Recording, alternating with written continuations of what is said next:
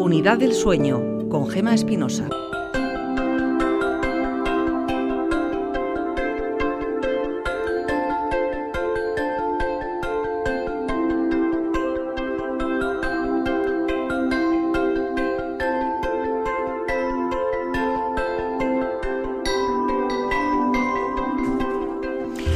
Volver a dormir como cuando eres niño, ese sí que es un verdadero sueño. El problema es que cuando eres bebé no tienes responsabilidades ni preocupaciones y lo único que te inquieta es el hambre o la sed.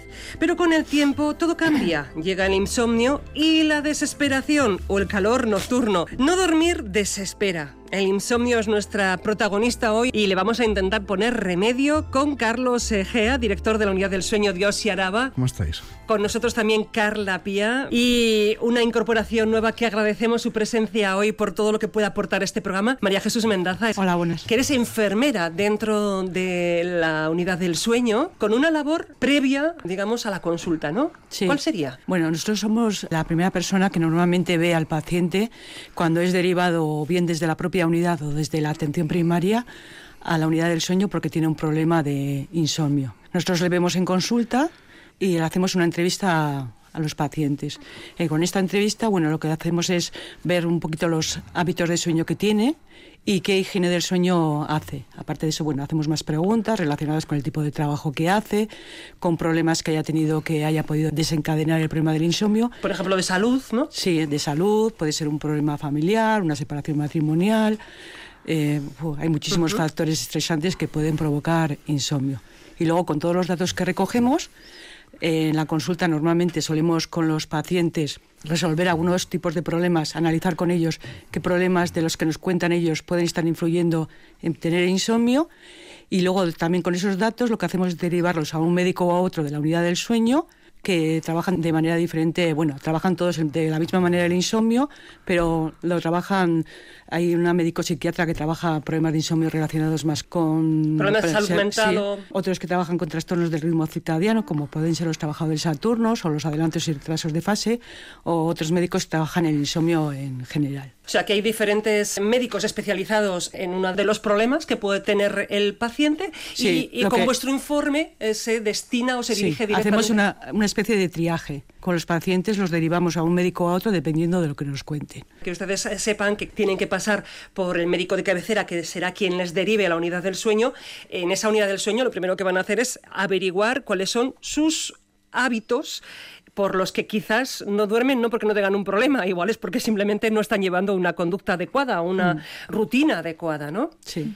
¿Hay un porcentaje alto de la población que sufre insomnio? Dentro de la población española se estima que alrededor de un 13% tienen insomnio. O sea que vaya, Un es, una- 13%. eh, es una es un trastorno bastante prevalente en nuestra comunidad, vaya. Y para que se considere insomnio, ¿cuánto tiempo tengo que estar sin dormir? Para que se considere insomnio necesitamos varias cosas. En primer lugar, el tiempo, pues alrededor de tres meses, una cosa así.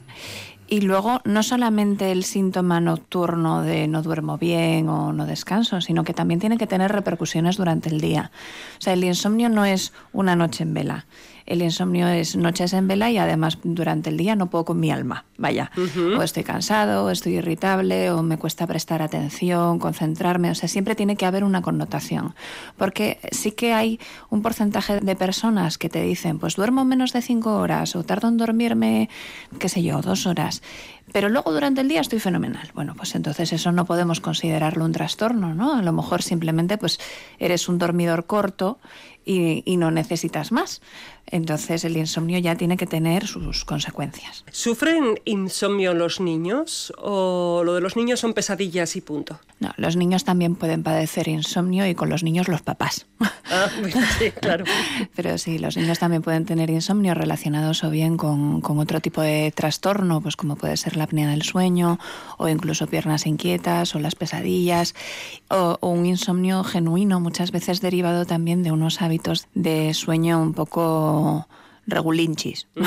claro, sí, esa es la, parte importante. Claro, María Jesús, el problema está que cuando vienen los niños o vienen los padres, entiendo, para preguntar, solamente tenéis adultos. Vosotros eh, recibís a los adultos. Pero seguro que viene algún padre preguntando, pues mi hijo no duerme y me tiene mártir. Claro, que eso es lo que preocupa a los padres, ¿no? Hay mucha gente que aprovecha. Hay mucha, claro. Es mi hijo el que no duerme, pero realmente quien sufre la falta de sueño puede ser el padre. Sí, hay un porcentaje de personas que empezaron con sus problemas de insomnio pues a raíz de ser padres, forma parte de la vida, ¿no? O bien porque tenían un hijo que dormía regular o porque de repente se ha vuelto adolescente y uno está preocupado pues por que si los estudios del niño, que de repente la criatura empieza a salir por la noche y entonces... ¿Se puede quedar crónico? Un insomnio que empieza porque el niño no duerme, pero claro, hasta que cumple dos años no empieza a dormir mm. y de repente tiene cuatro, el niño duerme bien y yo me he quedado con un insomnio crónico? Es bastante habitual porque normalmente cuando el insomnio comienza, tú lo que haces con toda tu buena fe es adoptar una serie de posturas o de rituales que tú pensando que lo estás haciendo bien, lo que estás consiguiendo es perpetuar el insomnio, ¿no? Pues por ejemplo, pues hoy he dormido pocas horas, en vez de levantarme a las 8 de la mañana, igual que siempre, me voy a levantar un poquito más tarde, porque como estoy cansado, pues así recupero por la mañana. Eso al final genera como una especie de jet lag día tras día tras día, ¿no? Porque vas arrastrando la hora de levantarte y entonces cuando te toca dormirte pues ya no tienes tanto sueño porque me levantaba a las 12 en vez de a las tal y al final algo que podría ser un insomnio agudo o subagudo se transforma en un insomnio crónico por culpa de las conductas que tú has adoptado. Siempre lo recordáis, lo importante son las rutinas que preparan, predisponen al cerebro a dormir. Es deseable respetar la natural inclinación, por ejemplo, a quedarse dormido por la tarde-noche muy pronto y despertarse, pues eso, con el alba. ¿Eso sería insomnio? No, tienes que tener algún tipo de síntoma, ¿no? o sea, primero, pues las horas que duermes, cómo las duermes, cómo te sientes, todo por la mañana cuando te levantas, si tienes sensación de descanso o no.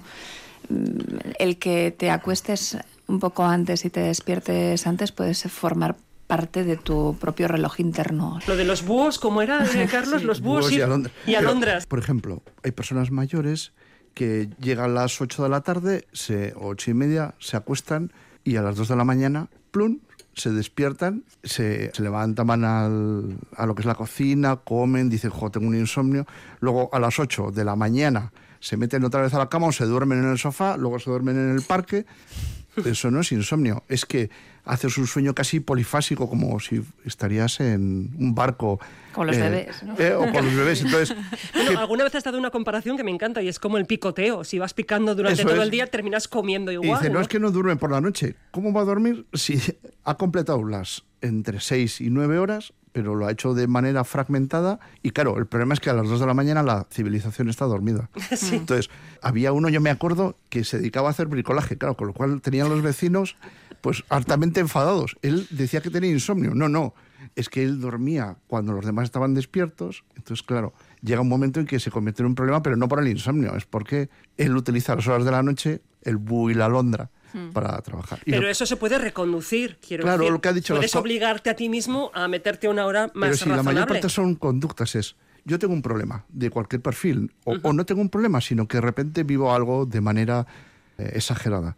Y eso cambia, pues a la noche duermo mal, me despierto y eso lo voy cronificando. El problema luego desaparece, pero me he quedado con la conducta. ¿Y entonces qué hago? Pues voy y digo, pues me voy a tomar, porque me ha dicho el vecino o la vecina que esta pastilla funciona bien. Y tomo la pastilla. Y, ah, pues funciona.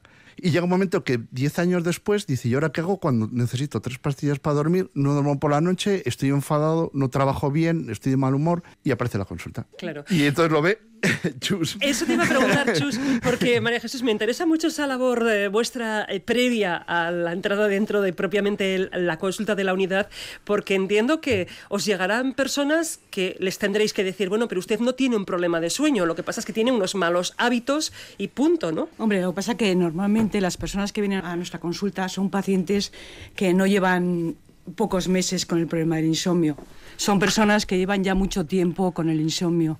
Y aparte de los hábitos malos, hay más factores que influyen en el, en el insomnio. En la consulta les vamos reconduciendo en aquellos hábitos que vemos que pueden influir en el insomnio. pero en los pacientes que vienen a nuestra consulta normalmente hay que hacer más cosas que solamente una buena higiene del sueño. Hay que trabajar más cosas. Hay que trabajar más cosas. Entonces, si yo, por ejemplo, llego como este señor que dice, bueno, yo es que me, quedo dormido a las 8 de la tarde y a las 3 eh, de la mañana me despierto, eh, ¿Qué, qué, le podéis decir, no? Bueno, en esas personas pueden ser bien porque ellos tengan un adelanto de fase, o sea, personas que se duerman antes, pronto a la noche y que se despierten pronto, evidentemente, porque ya han dormido lo, lo suficiente, igual en esas personas eso no es malo en sí. Lo que pasa es que con el tipo de vida que hacemos, a las 3 de la mañana, ¿qué haces? No puedes hacer, no puedes hacer nada. Entonces, igual, influyendo sobre el ejercicio, sobre las comidas, sobre la exposición a la luz, ¿eh? podemos hacer que vaya retrasando la hora de dormirse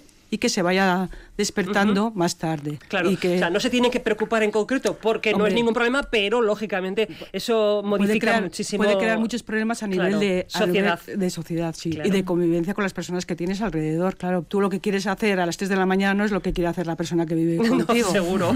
Y el de arriba y el de abajo menos. Vamos a darle preferencia a los oyentes. Mi madre tiene 73 años y una demencia. Entonces, la neuróloga nos comentó, porque es que por la noche pues empieza a las 12 se duerme. Luego a las 3 de la mañana se despierta asustada. Y no me dejes sola, y no me dejes sola. A las 6 de la mañana y no me dejes sola, y no me dejes sola. Y a las 9 igual. Claro, eso tampoco sería un insomnio, ¿no? Es un problema de salud mental. Claro, ya cuando hablamos de una, de una persona que tiene algo neurológico, ¿no? una demencia, sea el tipo que sea, ya estamos tratando sobre una base cerebral que está alterada.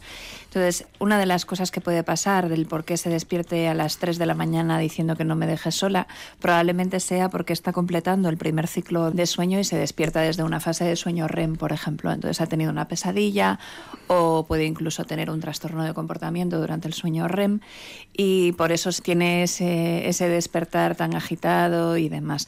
Eso siempre es mejor valorarlo en la consulta. Nosotros podemos ver un poco cuáles son los factores que influyen en ese despertar incluso hacer una prueba de sueño para comprobar si hay otra, aparte de su demencia, otra patología de base sobreañadida que, que interfiera con su sueño. En este caso, perdona Carlos, sí que podría provocarle un insomnio crónico a la persona que está cuidando Seguro. de ese. Mm, de hecho, los cuidadores, de hecho, si uno mira el insomnio, como ha dicho Carla, que es alrededor del 13%, en sanitarios durante toda esta época de la pandemia su, ha llegado al 30%, definido no como que duermes poco porque tienes que trabajar, sino porque te despiertas frecuentemente, probablemente por ansiedad, por la situación, por estrés de trabajo, ¿no? Porque el estrés puede cambiar incluso tu... De hecho, hay mucha gente que ha vivido como pesadillas recurrentes durante toda la pandemia. El estrés puede modificar nuestro cerebro, igual que decía esta oyente, los núcleos del sueño son como interruptores y pueden ser modificados por enfermedades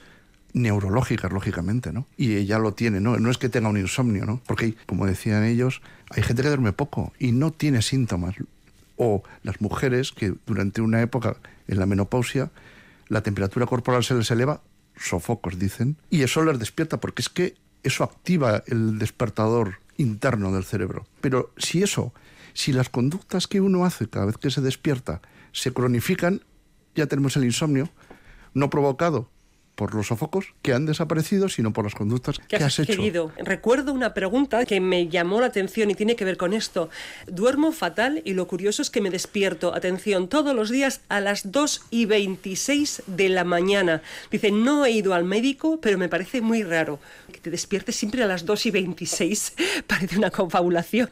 Bueno, es curioso, ¿no? Es muy frecuente hay una especie como de frontera alrededor entre las 2 y las 3 donde una gran parte de personas que tienen insomnio se despiertan, lo que llaman algunos el sueño, el cambio de fase, que era muy frecuente en la Edad Media despertarse para dar de comer a las vacas, para ver que no te habían robado nada, y eso se mantiene. Realmente es una frontera que se ha estudiado mucho porque... Entre las 2 y las 3 de la mañana. Sí, bueno, depende del reloj interno de cada uno, porque hay muchos que se despiertan a las 7 y media sin reloj, que es que podemos acostumbrarnos a despertarnos a una hora concreta y luego dormirnos, ¿eh? Porque no es el tiempo que nos despertamos, sino cuánto tiempo tardamos en dormirnos, ¿o no, Carla? Sí. Claro, si tardas media hora, dices, no, tú no puedes estar en la cama media hora y le molestas al de al lado, al vecino, al perro, al gato que tienes. Eh. Y además te pones nervioso y dejas de... Y empeoras. Claro. Mm. Y entonces dices, pues voy a la farmacia, me cojo la pastilla. Y entonces de repente llega un momento, eso no sirve, porque así para concretar los fármacos van muy bien en el tramo corto. Si me muere el canario, puedo tomar una pastilla para dormir. Eh, pierde mi equipo, puedo tomar una pastilla para dormir. Un día. Pero cuando eso ya se, convierte en. En una rutina, porque ya no puedes modificar tus hábitos, ya lo has liado. Y entonces ya... Me ha resultado curioso lo de las 2 y las 3 de la mañana. No voy a hacer de esto una consulta particular, pero lo he relacionado, recuerdo, en algún tiempo cuando yo era joven, allá por otros siglos, em, había un momento entre las 2 y las 3 de la mañana que si uno estaba por ahí de fiesta, entre las 2 y las 3 de la mañana a mí me daba un bajón y normalmente si sobrepasaba, digamos, esa hora, podía seguir cenando o charlando y demás. Ahora, entre las 2 y las 3 me daba un bajón que me volvía a casa, es seguro, las 2 y las 3 de la mañana tienen algún sentido Nada bueno pasa Aparte esa edad media. De noche. Pero, somos relojes hormonales, ¿no? Bueno, las hormonas de la insulina, como las hormonas del estrés, como no es lo mismo, no somos piedras, van cambiando y la noche es súper importante, por eso hay a veces más infarto sobre las 6, 7 de la mañana, los diabéticos tienen problemas a la noche y entonces esas transiciones hormonales hacen que en ese momento pues estés de bajón, pero como todas las personas normales, porque somos relojes internos o no. Sí, simplemente pensando en, pues, eh, una mujer tiene el, reloj que le lleva la regla, digamos, el reloj que le lleva la temperatura a lo largo del día, que no siempre tenemos la misma temperatura a las 24 horas. Los niveles hormonales, hay un montón de relojes internos que hacen que estemos despiertos, dormidos o seamos de una manera o de otra, ¿no? Entonces, pues a ti te da el bajón a las 2 o 3 de la mañana, algo y otro completamente... se despierta a las 6 y no... Claro, y otro, pues otra persona, no, depende de tu de cómo eres tú biológicamente como, como, ser humano. Yo parece que no soy tan rarita, pensaba que entre las 2 y las 3, pero ya veo que hay otras personas que entre las 2 y las 3 de la mañana... De hecho, ahora la medicina personalizada intenta identificar que los tratamientos van no basados en grupos, sino en personas concretas, que cada una persona somos un mundo diferente. Por eso la medicina tiene el valor de la incertidumbre, porque no sabes si ese tratamiento va a responder de la misma manera en, en diferentes pacientes, ¿no? Y por eso nace esta nueva clasificación de medicina personalizada en función de tus genes, en función de etcétera, ¿no? Hombre, hay estudios muy interesantes que incluso valoran cómo es tu ritmo circadiano para ponerte un tratamiento oncológico, por ejemplo, y entonces se sabe que a cierta hora a ti, que tú tienes un reloj interno que es así, te va a funcionar mejor este tratamiento contra el cáncer. Y eso es una novedad que mm, hombre, pues siendo en patologías tan, tan graves y tan importantes, si hay algo que puede ayudar y contribuir a mejorarte, pues fíjate, ¿no? O sea, es algo muy medicina para ti, no un paciente número 3, 4, 8, sino para ti con tu nombre y tus apellidos. Cuando una persona está enferma, cómo descanse es primordial a la hora de recuperarse. Claro. Es que mm. cualquiera que hayamos pasado una gripe, cómo duermas esa noche o durante el día, parece que al día siguiente tu energía vital para pelear contra la fiebre, por ejemplo, es distinta. Bien habéis dicho al principio, un 13% de la población tiene insomnio porque hay muchísima gente que nos llama con ese problema. Me acuesto, leo un rato y cuando ya me entra el sueño apago la luz, me dispongo a dormir, mm, tardo bastante en conciliar el sueño, duermo alrededor de calculo que una hora me vuelvo a despertar. Todos los días más o menos es lo mismo. Me despierto, me duermo y a lo largo de la noche me vuelvo a despertar otras cuatro o cinco veces, diría yo. Vamos, que tengo un sueño muy ligero y bueno, no paso más de siete horas en la cama a diario. El caso es que yo por las mañanas no me levanto con la sensación de cansancio ni paso el día mal y rindo bien en mi trabajo. Bueno, pues entonces tampoco es nada preocupante, ¿no? Por lo que he aprendido con vosotros? No, claro, en un principio, en un principio no. Probablemente esta persona igual duerma un poquito más de lo que, de la sensación que ella tiene. Si tú pasas siete horas en la cama y tu sensación es de que tienes muchos despertares o que, pero durante el día estás bien, en un principio no tendrías que tener un problema de, de insomnio. Habrá que ver si luego duerme durante el día o cuáles son sus hábitos de vida.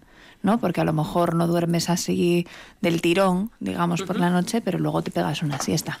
Claro. Entonces. Hay cosas que con la edad parece que las vamos asumiendo, nada preocupante, siempre y cuando no afecte, nos decíais, a la vida diaria. Estamos planteando los problemas, pero en cuanto a las soluciones, mmm, imagínense que yo llevo con insomnio tres meses, que siempre decimos es un poco el tiempo determinado a partir del cual ya tengo que empezar a, a consultar. Tres meses de insomnio. ¿Qué solución? Cuando me levanto, lo de poner la televisión, ya habéis dicho que no.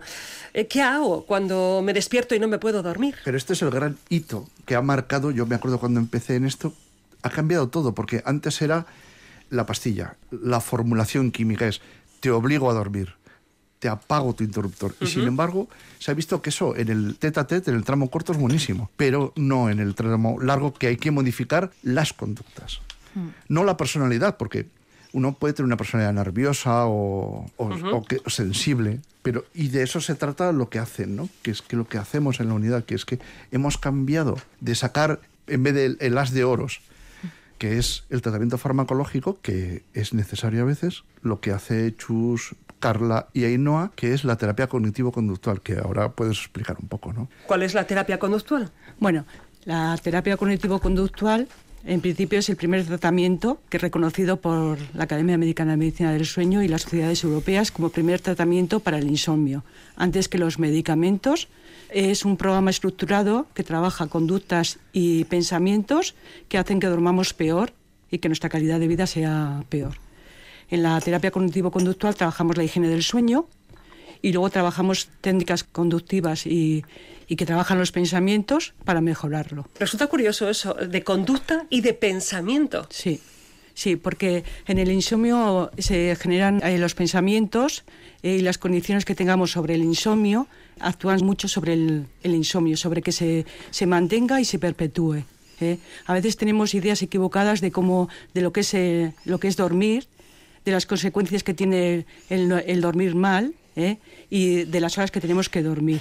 Esto hace, cuando tenemos una idea equivocada de eso, hace que el insomnio se vaya perpetuando. Cuando vamos a la cama y no dormimos, se genera mucho miedo a, dormir y generamos una serie de pensamientos que van haciendo que ese insomnio se vaya perpetuando. Que llevas a la cama pensando en no me voy a dormir. No me voy a dormir. Y ya desde antes de ir a la cama ya estás con miedo de lo que va a pasar esta noche. Esto nos va a hacer que haya una activación tanto fisiológica como mental. El dormir con activación son comportamientos incompatibles. ¿Y eso se puede trabajar dentro de la unidad del sueño? Sí, sí, trabajamos con técnicas conductivas, que trabajamos principalmente, bueno, primero empezamos por la, por la higiene del sueño, eh, que vamos a trabajar hábitos del estilo de vida que van a afectar, que pueden empeorar el, sueño y que pueden producir insomnio como pueden ser los horarios y el tipo de comidas. También trabajamos sobre los horarios y el tipo de actividad.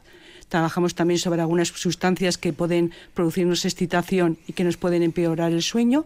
Y también trabajamos sobre las condiciones ambientales en las que dormimos, porque también afectan al sueño, como pueden ser el ruido, la luz, el ruido, la luz y la temperatura del entorno donde dormimos. Luego, aparte de eso, en nuestra unidad hacemos esta terapia.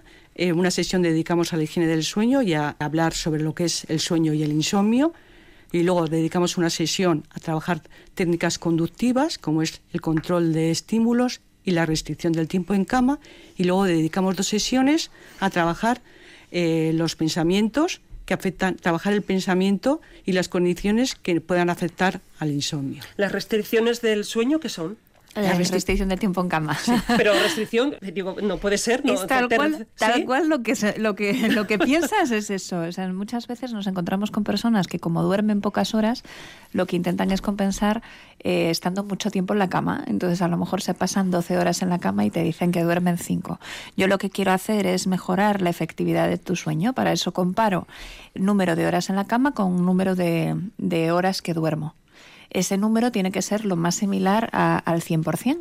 Entonces, si tú te pasas 5 horas de sueño y 12 horas en la cama, tienes una efectividad horrible. Bueno, pues empezamos diciéndote de, está bien, pasa 5 horas en la cama solamente. Es curioso, sí, es, tal cual. Es una de las terapias más duras que hay en, en cuanto a la terapia cognitivo-conductual. Vamos, a mi juicio y a juicio de los pacientes, porque claro, tú les estás diciendo de, mm, pues levántate. Eh, sea la hora que sea, cinco horas en la cama y, haz algo relajante o algo que te satisfaga, ¿no? No te pongas a planchar a las cinco de la mañana, por ejemplo. Pero en realidad es una de las más eh, efectivas, porque poco a poco, si empezamos con cinco horas de sueño en la cama solamente, o sea, cinco horas de cama solamente, cada vez que veamos que nuestras horas de sueño se acercan más a las horas de cama, podemos ir aumentando las horas de cama poco a poco. Y en realidad yo en mi, en mi experiencia personal, lo que he visto con los pacientes en la consulta que están dispuestos a hacerlo, porque luego esa es otra, hay muchas veces que no encuentras el momento adecuado para poder hacer esto, obviamente si tienes que trabajar es más difícil. Los pacientes al final lo consiguen, ¿no? Consiguen el, el adecuar, pues a lo mejor tu máximo de horas de sueño van a ser seis horas y media o siete, pero lo consigues hacer y de repente te queda una noche de insomnio al mes, bueno, eh, pero una noche, quien no ha pasado una noche en vela, ¿no? Pero sí que consiguen mejorar mucho con, con esta terapia. Pues mira, pensaba que no lo había entendido, pero es curioso, sí, la restricción del sueño.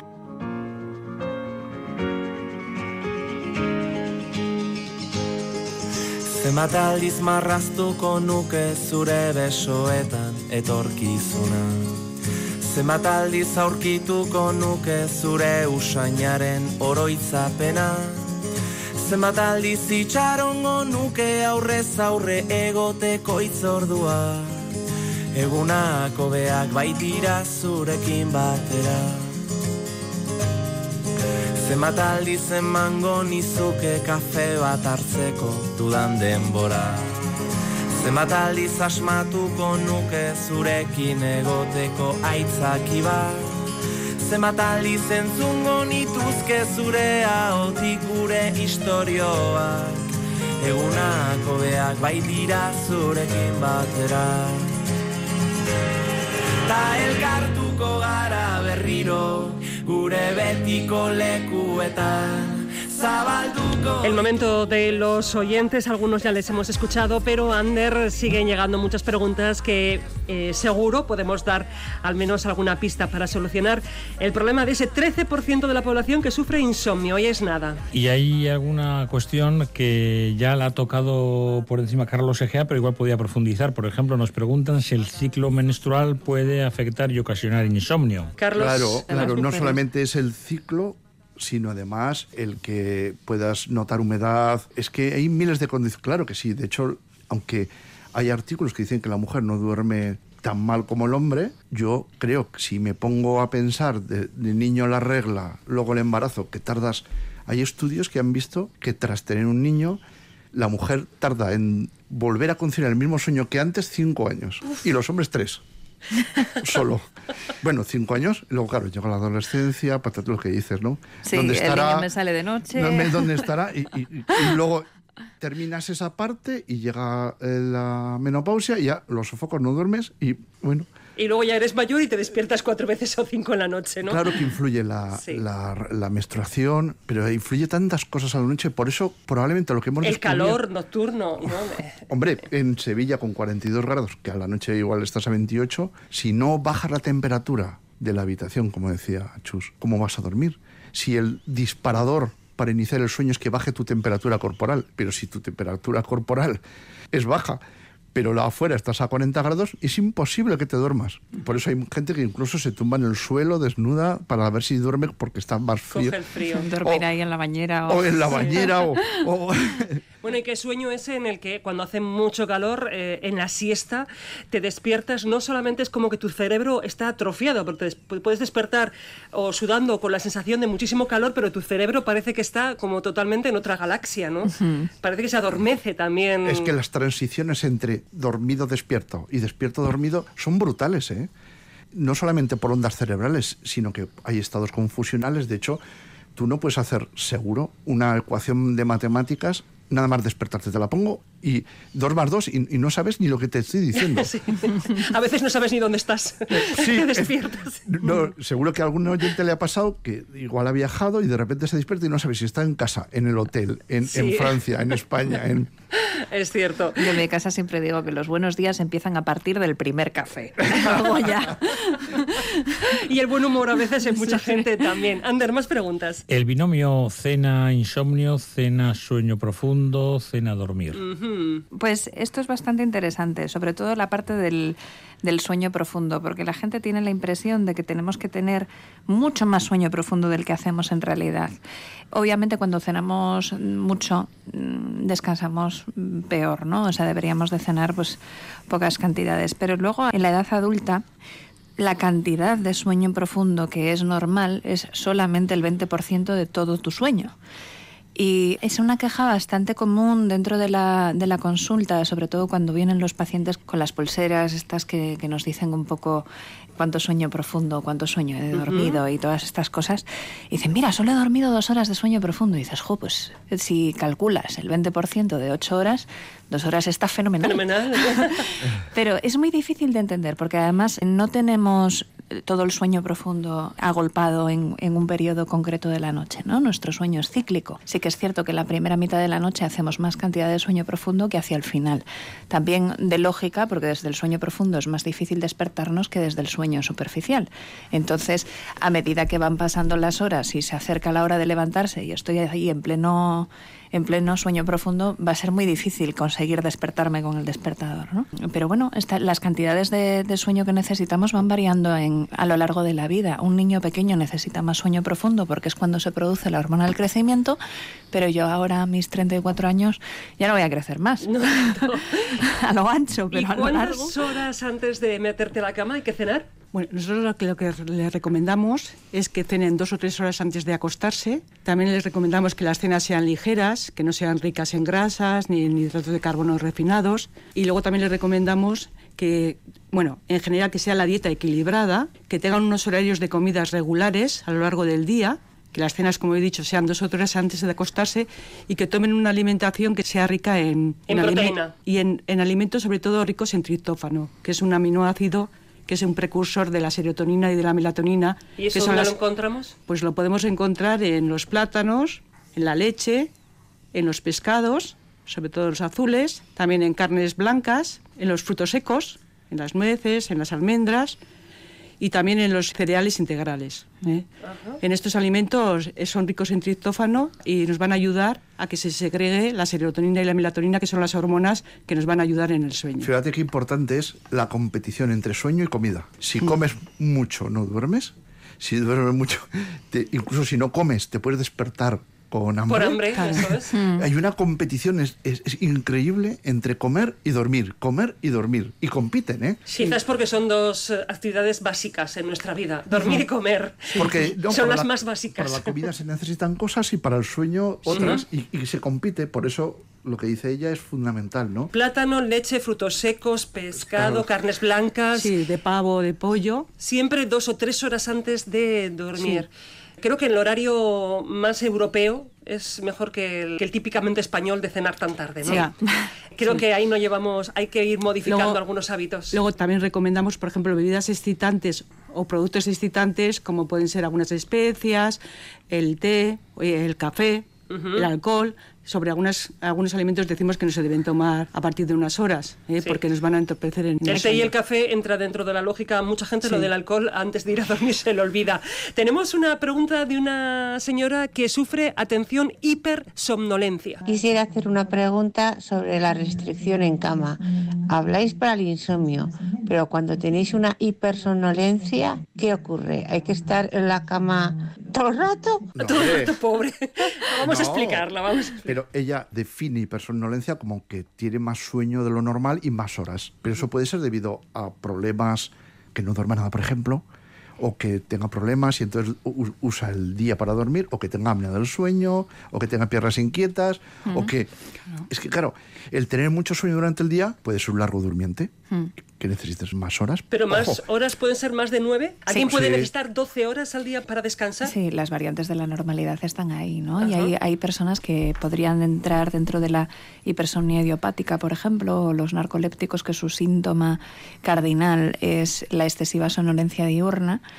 O, o, bueno, un dormidor largo, o sea que el demande, su cuerpo demande más horas de sueño de las que son normales. Habría que ver cuántas horas de sueño eh, necesita esta persona para estar bien y luego si hay otros factores que pueden influir, pero existen las personas que simplemente sin ningún tipo de trastorno concomitante necesitan más horas de sueño. Bueno, si esto es compatible con tu vida social, pues perfecto. Si no es compatible con tu vida social o con tu vida laboral, porque no puedes dormir las 12 horas que te pide el cuerpo, ahí intervenimos nosotros con una serie de medidas tanto de higiene, de deporte, de estimulación lumínica y demás, y hay muchas veces que necesitamos dar medicación estimulante en sí misma para poder sobrellevar esto. Porque no... Es curioso porque, claro, siempre hablamos de la unidad del sueño para ayudar a dormir, pero nunca para las para personas ayudar a que estar duermen. espabilado. Claro, Claro, pero igual es el enanito de Blancanieves sí. que el dormilón, dormilón. que igual tenía apnea del sueño. Y- Claro. Y, entonces le habríamos puesto una máquina y ya habría desaparecido de la escena de Disney como dormilón, ¿no? Y sería... Bueno, esta señora lo que pregunta es, ¿qué hago? ¿Tengo que estar todo el tiempo en la cama? No, no, en realidad no. A ver, primero tienes que tener unos horarios razonables, o sea, de acostarte siempre a la misma hora y levantarte a la misma hora. Si necesitas dormir siesta, adelante. O sea, incluso hay, hay veces que nosotros programamos las siestas. O sea, les indicamos a los pacientes que deben de dormir más de una siesta al día, pero a, a una hora programada. No que esto sea barra libre de me duermo cuando quiero, ¿no? Es intentar que tu cerebro siga tu vida y para eso intentar dominarlo. Pues te duermes una siesta a media mañana y otra siesta después de comer, por ejemplo. O hacemos periodos de descanso, trabajo, descanso, trabajo. Pero una vez diagnosticado. Una vez diagnosticado, eso, claro. eso iba a preguntar, Claro. si esta persona debería ah, pasar por la unidad del sueño, María Jesús. Habría que estudiar por qué tiene esa hipersomnolencia. Claro. Mm, claro. ¿Cuáles son las causas? Porque pueden ser muchas causas. Puede haber un problema de salud, puede hablar, haber una mala rutina de que igual durante la noche está muchas horas pero no duerme en realidad, Claro. ¿no? Habría que ver la causa para poder tratarla. Así decirlo así en general es muy... Es muy difícil. Sí. Es que incluso puede haber un problema de medicación que ya esté tomando esta persona. Es muy habitual que, por ejemplo, las- los pacientes que los ven en la unidad del dolor o, o que los vemos varios profesionales a la vez, cada uno ponemos nuestra medicación y hay medicaciones que dan sueño. Entonces te pasas el día con sueño claro. y muchas veces se trata de reconducir un poco la medicación e intentar que las medicaciones que provocan sueño se dirijan más hacia la noche y no durante el día. Importante, no se lo quede en su casa dándole vueltas, sino que vaya y cuéntelo. Las últimas preguntas, Ander. Sí, nos preguntan por, en cuanto a los horarios por la relación entre insomnio y, por ejemplo, el cambio horario, el horario de invierno, el horario de verano, y también cuando has comentado, Gemma, lo de las famosas 2 y 26 de la madrugada, si tiene algo que ver que pueda ser entre las 2 y las 3 o que pueda pasar eso también en otra franja horaria. Hay gente que se levanta siempre pues a las 6 y cuarto o a las 5 y 10. Mm, si cambia un poquito, si es antes o después de, de acostarse o de despertarse, ese, ese momento en el que Sí, hay abre cerebros que el son como dormidor los ojos. matemáticos, ¿no? Hay cerebros que son 2 y 26 o a las 6 y cuarto, como dice Ander, ¿no? Eh, Claro, es lo que decíamos antes, ¿no? Depende de tu reloj interno, también de la costumbre que tú tengas, de tus hábitos. Hay un montón de personas que si llevan toda la vida levantándose a las 7 para ir a trabajar, Se aunque jubilan. se jubilan y se Sí. siguen levantando a las 7. Pero bueno, qué maravilla, ¿no? ¿no? No necesito tener un despertador, es mucho más agradable despertarte tú por tus medios que con el pipi pipi. Y luego, en cuanto a horarios de verano y de invierno... El cambio de hora. Claro, esto es la polémica número uno entre economía y salud. Es mejor el horario de invierno, es más fisiológico. Que a medida que se apague el día, tú también te apagues y te vayas a dormir. Lo que no es normal, digamos, es que sean las 10 de la noche y sea de día. Pero eso viene bien para la economía porque tienes abierto el bar, la gente está en la playa. tal. Este año igual deberíamos no haber cambiado la hora, ¿eh?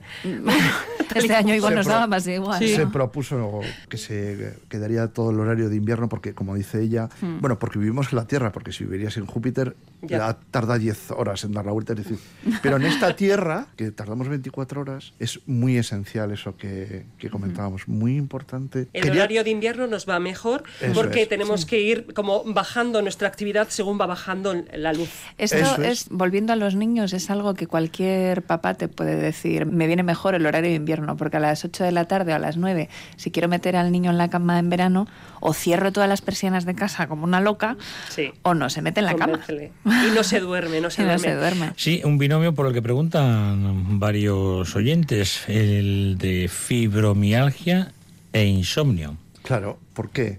La fibromialgia, si tienes muchos puntos gatillo que te generan dolor, igual que como ha dicho gente que está en la unidad de dolor porque tiene problemas de espalda, osteomusculares, el dolor es antagonista del sueño. Y el tratamiento del dolor es agonista del sueño, es decir, te duermes más allá de lo que tú esperas, porque los fármacos no saben definir entre quito el dolor y no te duermo. O personas que tienen alergia y toman antihistamínicos, ahora ya los de nueva generación no te dan tanto sueño, pero que dan provocan sueño y de hecho uno de los fármacos que más se anuncia es un antihistamínico para dormir. y se lo toma mucha gente. Pero que esto el dolor no tiene remedio, quiero decir. Si tú tienes fibromialgia, tienes que tomar una medicación y por lo tanto te va a provocar un sueño, ¿no? A ver, pero no tiene remedio, no hay que perder la fe ni La la, esperanza, esperanza. vale. Eso Claro. sí. Así me gusta. Es un equipo de lo más optimista, de verdad. No, claro, a ver, hay los pacientes que tienen fibromialgia siempre van a ser complicados desde el- un montón de puntos de vista, no solo desde el sueño, ¿no? Porque tú tienes que encontrar el equilibrio entre el, el tratamiento del dolor para los puntos gatillo, luego hay otras personas con fibromialgia que tienen también como cansancio crónico, entonces tú no les puedes decir, pues levanta, haz una restricción de cama muy, muy severa, ¿no? Porque no van a poder. Dices, si no me puedo levantar, ¿cómo voy a hacer eso? Entonces, estos pacientes los tenemos que mirar con mucho más mimo y intentar encontrar un equilibrio entre tratamiento de dolor, tratamiento de sueño, tratamiento de hábitos, que hay muchos hábitos que van a mejorar su sintomatología, pero que tienen que hacerlos mm, poco a poco, ¿no? Y depende mucho, mucho de mm, la fuerza de voluntad que tenga la persona que tenemos delante. O sea, es un esfuerzo titánico para una persona no, sin otra patología, para una persona con fibromialgia, pues más. Pues un poquito eh, nos eh, asesoran ya, ¿eh? nos eh, dan algún que otro consejo de cara, por ejemplo, a hablar del tema de las pesadillas y el sueño. Algunos quieren felicitar al equipo que tienes contigo, a Carlos, a Carla y a Chus, por haber apostado por el horario de invierno. Y luego, eh, en relación al tema del ciclo menstrual, algunos se preguntan por la medicación, medicación u otro tipo de tratamiento que no conlleve medicamentos. Y por último, también un oyente que duerme fatal desde hace ya un tiempo, que está tomando Orfidal y que no sabe qué hacer, que quiere ya ir a una unidad de sueño. Recordemos que unidades de sueño las tienen En, en, todos prácticamente los todos los hospitales. hospitales. Este Orfidal El Orfidal es una benzodiazepina que es una medicación muy, muy golosona porque te la, te la tomas. O sea, una persona naif que nunca se ha tomado nada se toma un Orfidal y nota el efecto prácticamente inmediatamente. El problema es que, como todas las benzodiazepinas, pues causa cierta adherencia y tolerancia. Es decir, que llega un momento que no puedo dormir sin ella, pero que no consigo el mismo efecto que al principio y tengo que ir subiendo la, la dosis. Lo suyo, como decía Carlos antes, siempre es tomar la medicación del sueño la mínima cantidad de tiempo posible. Muchísimas gracias a todos. Gracias a todos. Gracias. Gracias.